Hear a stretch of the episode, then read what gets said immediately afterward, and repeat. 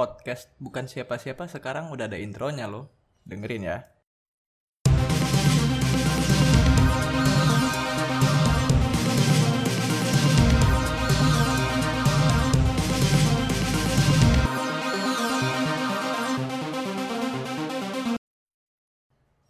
Ya, jadi eh, setelah berapa lama ya? Setelah dua mingguan ya ada ya dua minggu. Ya sekitar sekitar dua minggu lah. Setelah sekitar dua minggu podcast gue nggak nongol-nongol lagi. Setelah melalui satu dua teman yang nanyain ke mana, yeah. ya jadi eh, balik lagi nih nongol lagi.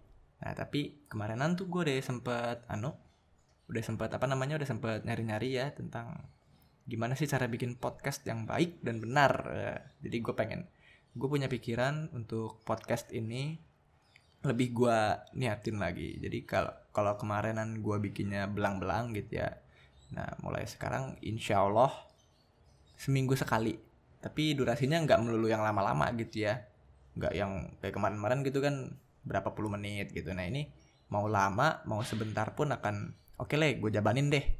Yang penting gue bisa konsisten seminggu sekali semoga dan dari hasil kemarin gue nyari-nyari tahu di internet segala macem satu yang gue temuin adalah salah satunya eh, dua menit pertama dari podcast lu itu dua menit yang krusial. Kenapa? Soalnya di dua menit itu lu harus bisa menggayat para pendengar lu.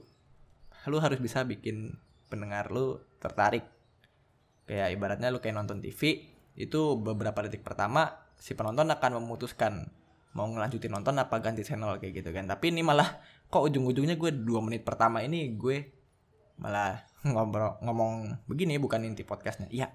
Nah, ya langsung aja dah. Jadi di episode kali ini gue pengen coba bahas tentang ano hukuman kebiri kimia. Jadi hmm, gue akan coba untuk melihat gitu. Kayak bukan gue tidak akan ngomong gue nggak akan gimana ya jelasinnya ya gue nggak ingin ngejudge untuk apa gua apakah gue setuju atau enggak sama sama hukuman kebiri kimia ini tapi gue lebih akan kayak melihat dari ketinggian yang gue rasa cukup apakah hukuman ini perlu atau enggak Nah sebelumnya tuh jadi eh, udah dari semingguan ini deh. Itu kan di berita rame ngomongin soal hukuman kebiri kimia ini polemiknya gitu kan. Tentang ada yang setuju dan setujunya karena ya emang karena si apa hukuman kebiri ini kan diberlakukan untuk pelaku-pelaku pemerkosaan dan banyak orang yang menganggap perkosaan adalah hal yang amat sangat biadab. Nah, di dalam kasus ini ada seseorang yang namanya Muhammad Aris. Dia itu akan menjadi manusia pertama dari Indonesia yang dijatuhi hukuman kebiri kimia. Padahal tuh undang-undangnya udah berlaku dari tahun 2016 ya kalau nggak salah ya. Tapi di 2019 ini dia jadi orang pertama yang diberi hukuman kebiri kimia.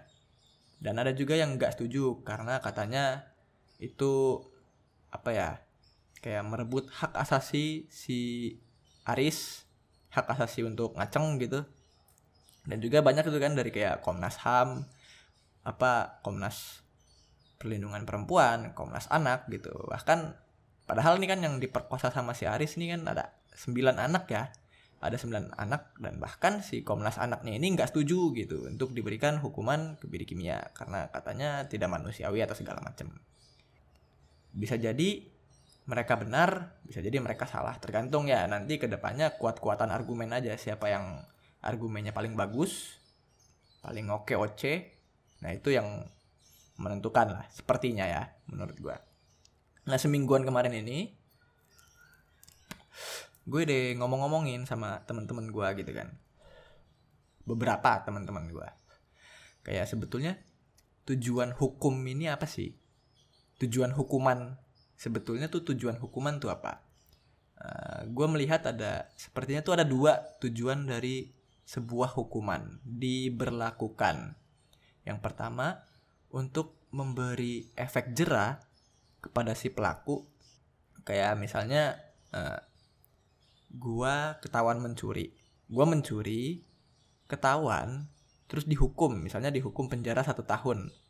Nah itu kan supaya selama setahun itu gua refleksi itu. Bukan refleksi pijet ya. Maksudnya kayak refleksi itu merenung gitu. Gua merenung bahwa wah gua melakukan pencurian gue udah melakukan kesalahan nih dan sekarang gue dihukum. Jadi mencuri itu adalah perbuatan yang salah. Nah selepas gue dari penjara selama satu tahun gue akan belajar.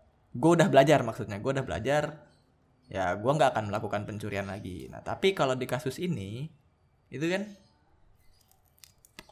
lu di kebirinya itu setelah lu selesai menjalani masa penjara. Setelah lu selesai menjalani masa tahanan keluar dari penjara baru lu dikebiri. Dan dikebirinya itu kan bukan yang kayak dipotong gitu loh titit lu tapi disuntik kimia gitu ya. Jadi bukan kayak kebiri lu kebiri kucing atau kebiri anjing beda. Nah di kebiri kimia itu disuntik guna menurunkan hormon testosteron lu serendah mungkin. Jadi lu nggak ada rangsangan untuk melakukan kegiatan seksual atau bahkan ngaceng pun juga nggak bisa ya kayaknya ya. Karena ditakutkan ini kan si Aris ini masih umur 20-an gitu.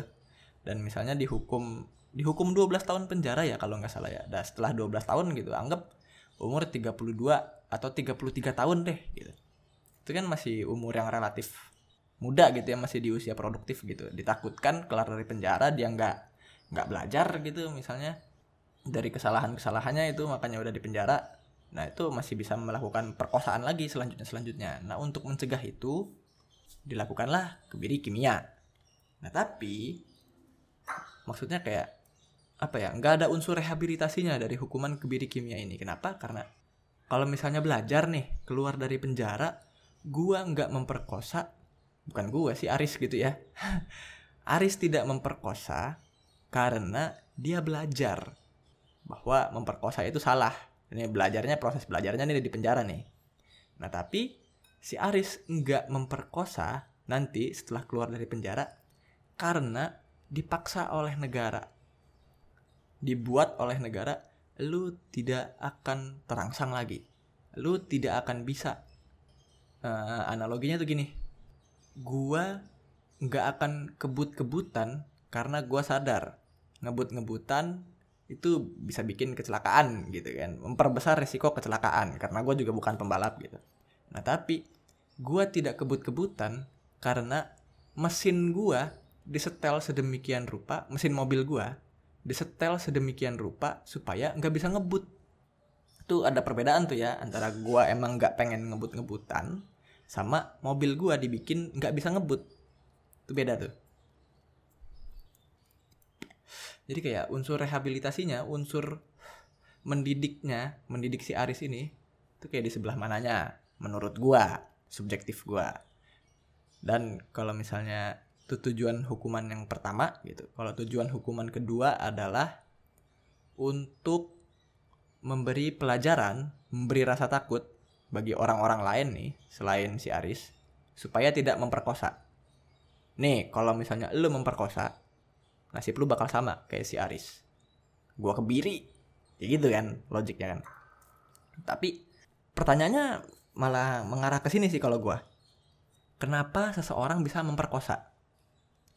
Kalau nggak salah ya, kalau nggak salah itu kenapa seseorang bisa memperkosa itu akibat masa lalunya yang either masa lalunya traumatis atau hidup di lingkungan yang abusif atau intinya masa lalunya tuh menderita deh patetik gitu kan. Atau bisa juga dia masa lalunya adalah korban juga. Korban pelecehan seksual kah? Atau korban sodomi korban perkosaan gitu. Intinya masa lalunya tuh kelam. Dan somehow masa lalunya itu men-setting dia men-setting alam bawah sadarnya dia supaya ke depannya dia tidak tahan terhadap rangsangan dari libidonya dia punya itu.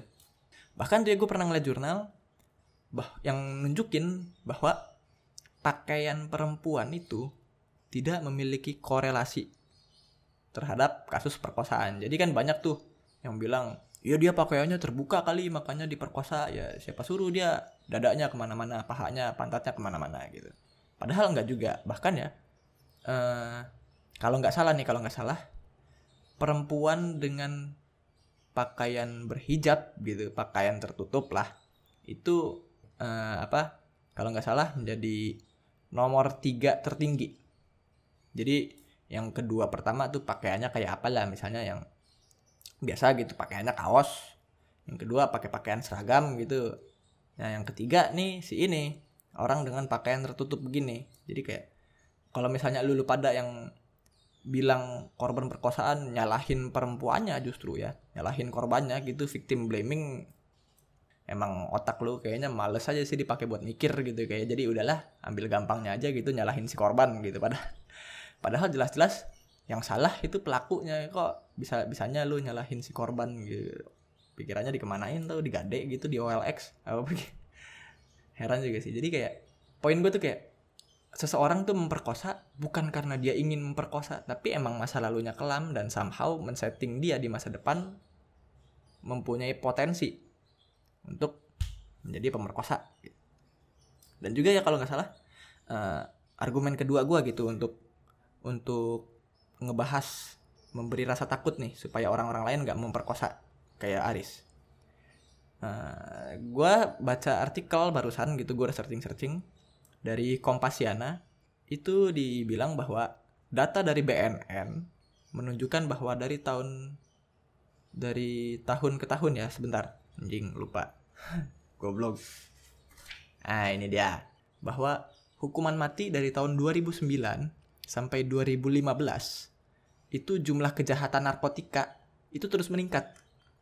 Nah ya kan kita tahu juga tuh bahwa kejahatan narkotika tuh kan ada banyak gitu ya. Misalnya lu jualan lu bandar lu make atau lu ngapain gitu banyak macam lah intinya. Nah itu kan beberapanya tuh dihukum mati tuh cuman kan orang-orang taunya kalau misalnya lu berurusan dengan narkoba itu lu bisa dihukum mati gitu. Itu diberlakuin hukuman mati pun nggak efektif untuk menimbulkan rasa takut orang-orang supaya tidak berkecimpung di dunia narkoba. Malah datanya tadi dari tahun 2009 sampai 2015 malah meningkat gitu kan. Itu data dari BNN Badan Narkotika Nasional. Dan juga uh, dari sumber lain gitu dari detik ya. Ini artikel tahun 2018 itu dicatut bahwa jumlah kasus narkoba pada tahun 2017 itu ada 46.537 kasus. Gue ulangin pelan-pelan. Jumlah kasus narkoba pada tahun 2017 itu tercatat ada 46.537 kasus atau 57,6 kali lebih tinggi dibanding tahun 2016 yang mana ada 807 kasus. Kayak bahkan untuk menimbulkan rasa takut pun orang ke orang-orang lain gitu ya supaya nggak melakukan kesalahan yang sama efektivitasnya tuh kurang.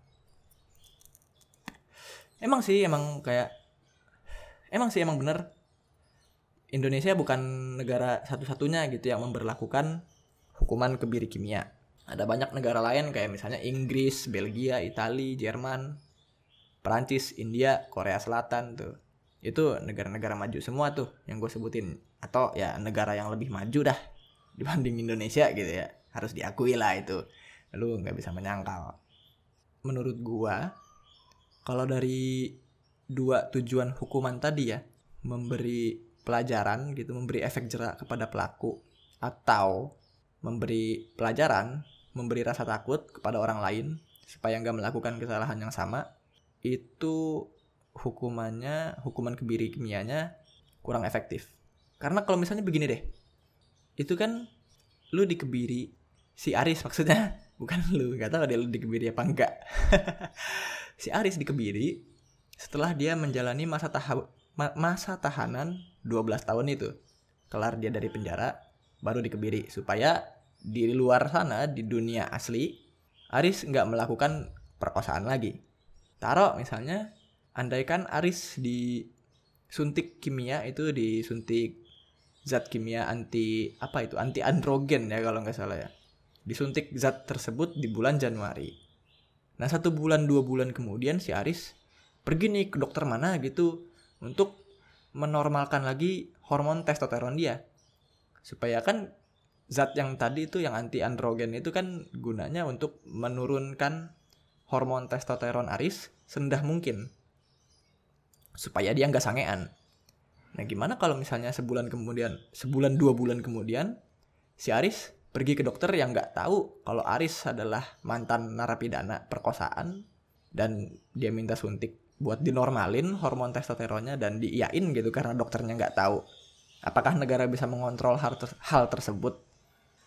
Nah itu menurut gue kayak masih banyak nih kajian-kajian yang perlu dilakuin sama negara untuk melihat apakah efektif hukuman kebiri ini dan juga uh, hukuman ini hukuman kebiri ini itu ada efek sampingnya dan beberapanya tuh kayak penyakit metabolik kayak osteoporosis, anemia, terus uh, bisa juga bikin kulit tuh kering, bisa bikin apa lagi tuh bisa bikin mandul gitu kan. Dan juga bahkan kalau diberikan dalam jangka waktu panjang gitu itu bisa mengakibatkan kerusakan jaringan yang permanen tuh. Udah nggak bisa dikembaliin lagi.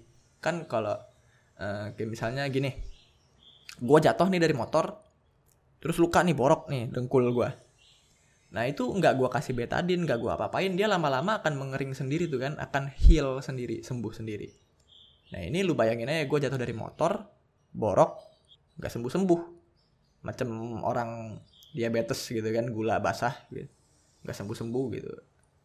Nah ya lu bayangin aja, nah itu orang jatuh dari motor tuh kayak contoh doang gitu, gue nggak tahu maksudnya kerusakan jaringan permanennya tuh kayak apa nggak tahu. Tapi contohnya tuh kayak begitu. Dan juga gue kemarin tuh sempet ngeliat di ILC Indonesia Lawyers Club Lawyers Club nah itu ngebahas tuh soal polemik ini soal hukuman kebiri kimia ini. Dan di situ ada Kajari Mojokerto. Kajari itu singkatannya apa? Gue nggak tahu dah. Lu yang tahu atau nggak tahu ya lu googling sendiri deh ya. Yang jelas di acara itu di ILC ada Kajari Mojokerto yang begitu ditanya-tanya sama presenternya tuh sama Karni Ilyas itu inti omongannya adalah yang terbukti secara material hanya satu korban. Itu ada rekaman CCTV-nya, ada sepedanya gitu deh. Pokoknya ada yang ada bukti materialnya tuh cuma satu korban. Sedangkan yang delapan lainnya tuh nggak ada. Either mereka udah pindah gitu karena malu sama tetangga-tetangga atau mereka menolak untuk datang ke persidangan gitu kan karena malu dan dan banyak macamnya lah karena kan perkosaan itu kan hal yang traumatis gitu yang kalau bisa sesegera mungkin dilupakan gitu nggak diinget-inget. Kalau nggak bisa merusak mental si anak gitu. Apalagi ini kan anak-anak. Sebetulnya bisa bisa dipahami lah kenapa mereka cenderung menghindar si delapan anak ini. Tapi si Aris tetap dihukum dengan hukuman memperkosa sembilan anak. Padahal yang terbukti secara material itu satu. Padahal tuh ya setahu gue di mata hukum saya tidak bersalah sampai saya dibuktikan bersalah. Bahkan misalnya ada kasus pembunuhan gitu atau jangan gitu deh. Misal gue tahu-tahu kucuk-kucuk datang ke kantor polisi bilang gue udah melakukan pembunuhan. Gue yang ngaku gue melakukan pembunuhan. Tapi kalau misalnya nggak ada bukti yang mendukung omongan gue, nggak ada bukti-bukti yang menunjukkan bahwa gue emang bener membunuh, ya gue nggak akan dipenjara jadi yang terbukti cuman satu atau malah kata si pengacaranya bahwa si rekaman CCTV ini tidak membuktikan tidak serta-merta membuktikan bahwa Aris itu memperkosa. Hanya sekedar menjadi petunjuk bahwa Aris ada di TKP. Tidak membuktikan Aris memperkosa. Ya nggak tahu lah ya itu perdebatan mereka deh. Gua gue juga nggak begitu ngerti kan. Jadi tadi lagi ngomongin apa? Lupa weh goblok. Ya intinya begitu. Dan juga uh, yang kita tahu gitu kan ID Ikatan Dokter Indonesia itu gua nggak ngerti mereka menentang kebiri kimia atau enggak tapi yang jelas ID menolak menjadi eksekutor pengebirian tersebut. Karena menurut mereka itu bertentangan dengan kode etik kedokteran gitu kan. Karena kode etik kedokteran tuh mereka memberi obat supaya rasa sakit berkurang atau meringankan penderitaan seseorang.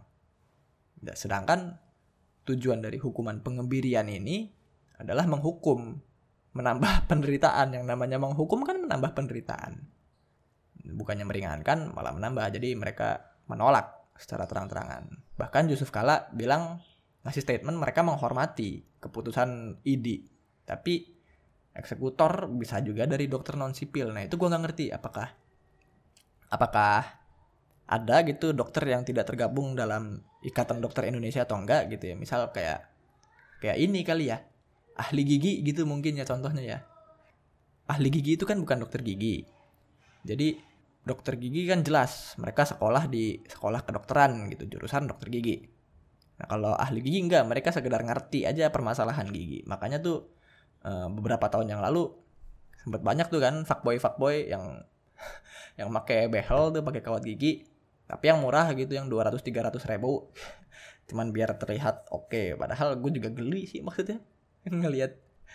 Ya enggak ngerti deh. Pokoknya gue kadang tuh suka geli ngelihat cowok yang yang pakai kawat gigi apalagi gayanya. Aduh mematikan weh.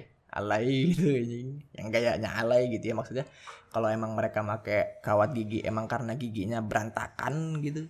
Gerowak gerowak nggak masalah. Itu kan kebutuhan keperluan estetik ya. Tapi kalau biar sekedar gaya-gayaan gitu karena lagi ngetren make behel eh nggak deh thank you.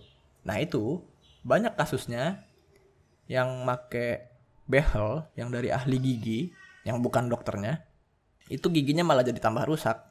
Malah melencang melencong keluar ke sana kemari. Bahkan ada yang sampai gusinya tuh ngebelah weh geli banget serem weh lu coba cari aja di Google gitu. Ya mungkin maksudnya dokter yang non sipil gitu ya yang disebut Yusuf Kala gitu tadi. Gue nggak ngerti pengertian dokter non sipil tuh kayak gimana. Tapi ya ya nggak ngerti deh. Maksudnya kalau misalnya emang ada dan bisa mempunyai kapabilitas gitu ya untuk melakukan tindakan tersebut pengebirian dan juga mau untuk mengebiri ya ya it's okay. Tapi menurut gue masih hukuman tersebut masih perlu dikaji lebih lebih lanjut gitu ya dipelajari lebih lanjut. Karena pengebirian ini sendiri itu sebetulnya kayak bentuknya tuh kayak gimana sih? Apakah apakah pistolnya ada tapi rusak? Atau pistolnya ada pelurunya kosong? Atau pelurunya doang ada pistolnya yang kagak ada? Itu bentuknya kayak gimana dari si pengebirian ini? Buat gua ya at least lah. Buat gua tuh masih masih kurang jelas lah di sini gua nggak berusaha untuk bilang bukan nggak berusaha ya gua nggak ingin untuk menilai setuju apa enggak baik atau enggak si pengebirian kimia ini. Tapi gue lebih kayak sepertinya masih banyak hal yang harus dipelajari lebih lanjut. Karena kayak yang tadi gue bilang gitu kan ya kita coba aja belajar sama negara-negara lain gitu yang Inggris Jerman gitu-gitu yang emang juga memperlakukan hukuman kebiri kimia ini. Bagaimana apakah si efek samping efek samping yang tadi gue sempat sebutin itu bisa diminimalisir atau bahkan dihilangkan gitu? Apakah hukuman tersebut efektif dalam menurunkan angka pemerkosaan? Itu menurut gue ya itu tadi yang kayak tadi gue ulang-ulang terus gitu. Masih perlu ditinjau lebih lanjut. Oke deh kayaknya sekian dulu gitu ya. Oh, apa? Podcast episode kali ini. Semoga bermanfaat berguna gitu ya. Nggak bermanfaat juga nggak apa-apa sih toh yang namanya berguna gitu kan subjektif gitu. Kayak misalnya misalnya contohnya contoh dari pengertian berguna gitu ya. Sampah deh gitu. Sampah tuh berguna gak sih? Kalau buat gua enggak gitu. Tapi kalau buat orang-orang yang berkecimpung di industri daur ulang bagi pemulung ya itu kan sampah itu sumber kehidupan mereka gitu. Sampah menjadi uang buat mereka. Sedangkan buat gue sampah ya sampah. Atau misalnya kayak nih kita kasih contoh yang sensitif. Kitab suci misalnya. Nah apakah bagi para ateis gitu ya apakah kitab suci berguna gitu? Bisa ya bisa enggak gitu. Ada yang bilang ya berguna untuk kajian literatur segala macem. Pokoknya dari sisi seni ditinjau. Ada yang bilang juga enggak kitab suci enggak berguna untuk beberapa ateis gitu ya. Tapi kalau untuk orang yang beragama apakah kitab suci berguna? Iya dong jelas. Apa bergunanya? Ya sebagai tuntunan hidup gitu kan sebagai kompas moral untuk mengetahui apa yang baik dan apa yang salah, apa yang bisa menuntun kita menuju ke surga kan seperti itu. Jadi podcast ini berguna atau enggak? Ya biarin lah suka-suka lu mau nganggap berguna kayak mau enggak gitu kan. Yang jelas gue hanya seperti tujuan gue bikin podcast gitu ya gue hanya berusaha mengeluarkan isi kepala gue aja dan sharing gitu kalau misalnya ada yang setuju sama omongan gue ya ya wes ada yang gak setuju juga ya nggak apa-apa gitu malah justru bagus gitu kan karena di situ kan ada pertentangan tuh, ada dialektika. Nah, dari dialektika tuh bisa dihasilkan sesuatu yang lebih luhur. Anjay. Oke, sekian kalau gitu. Thank you. Bye bye.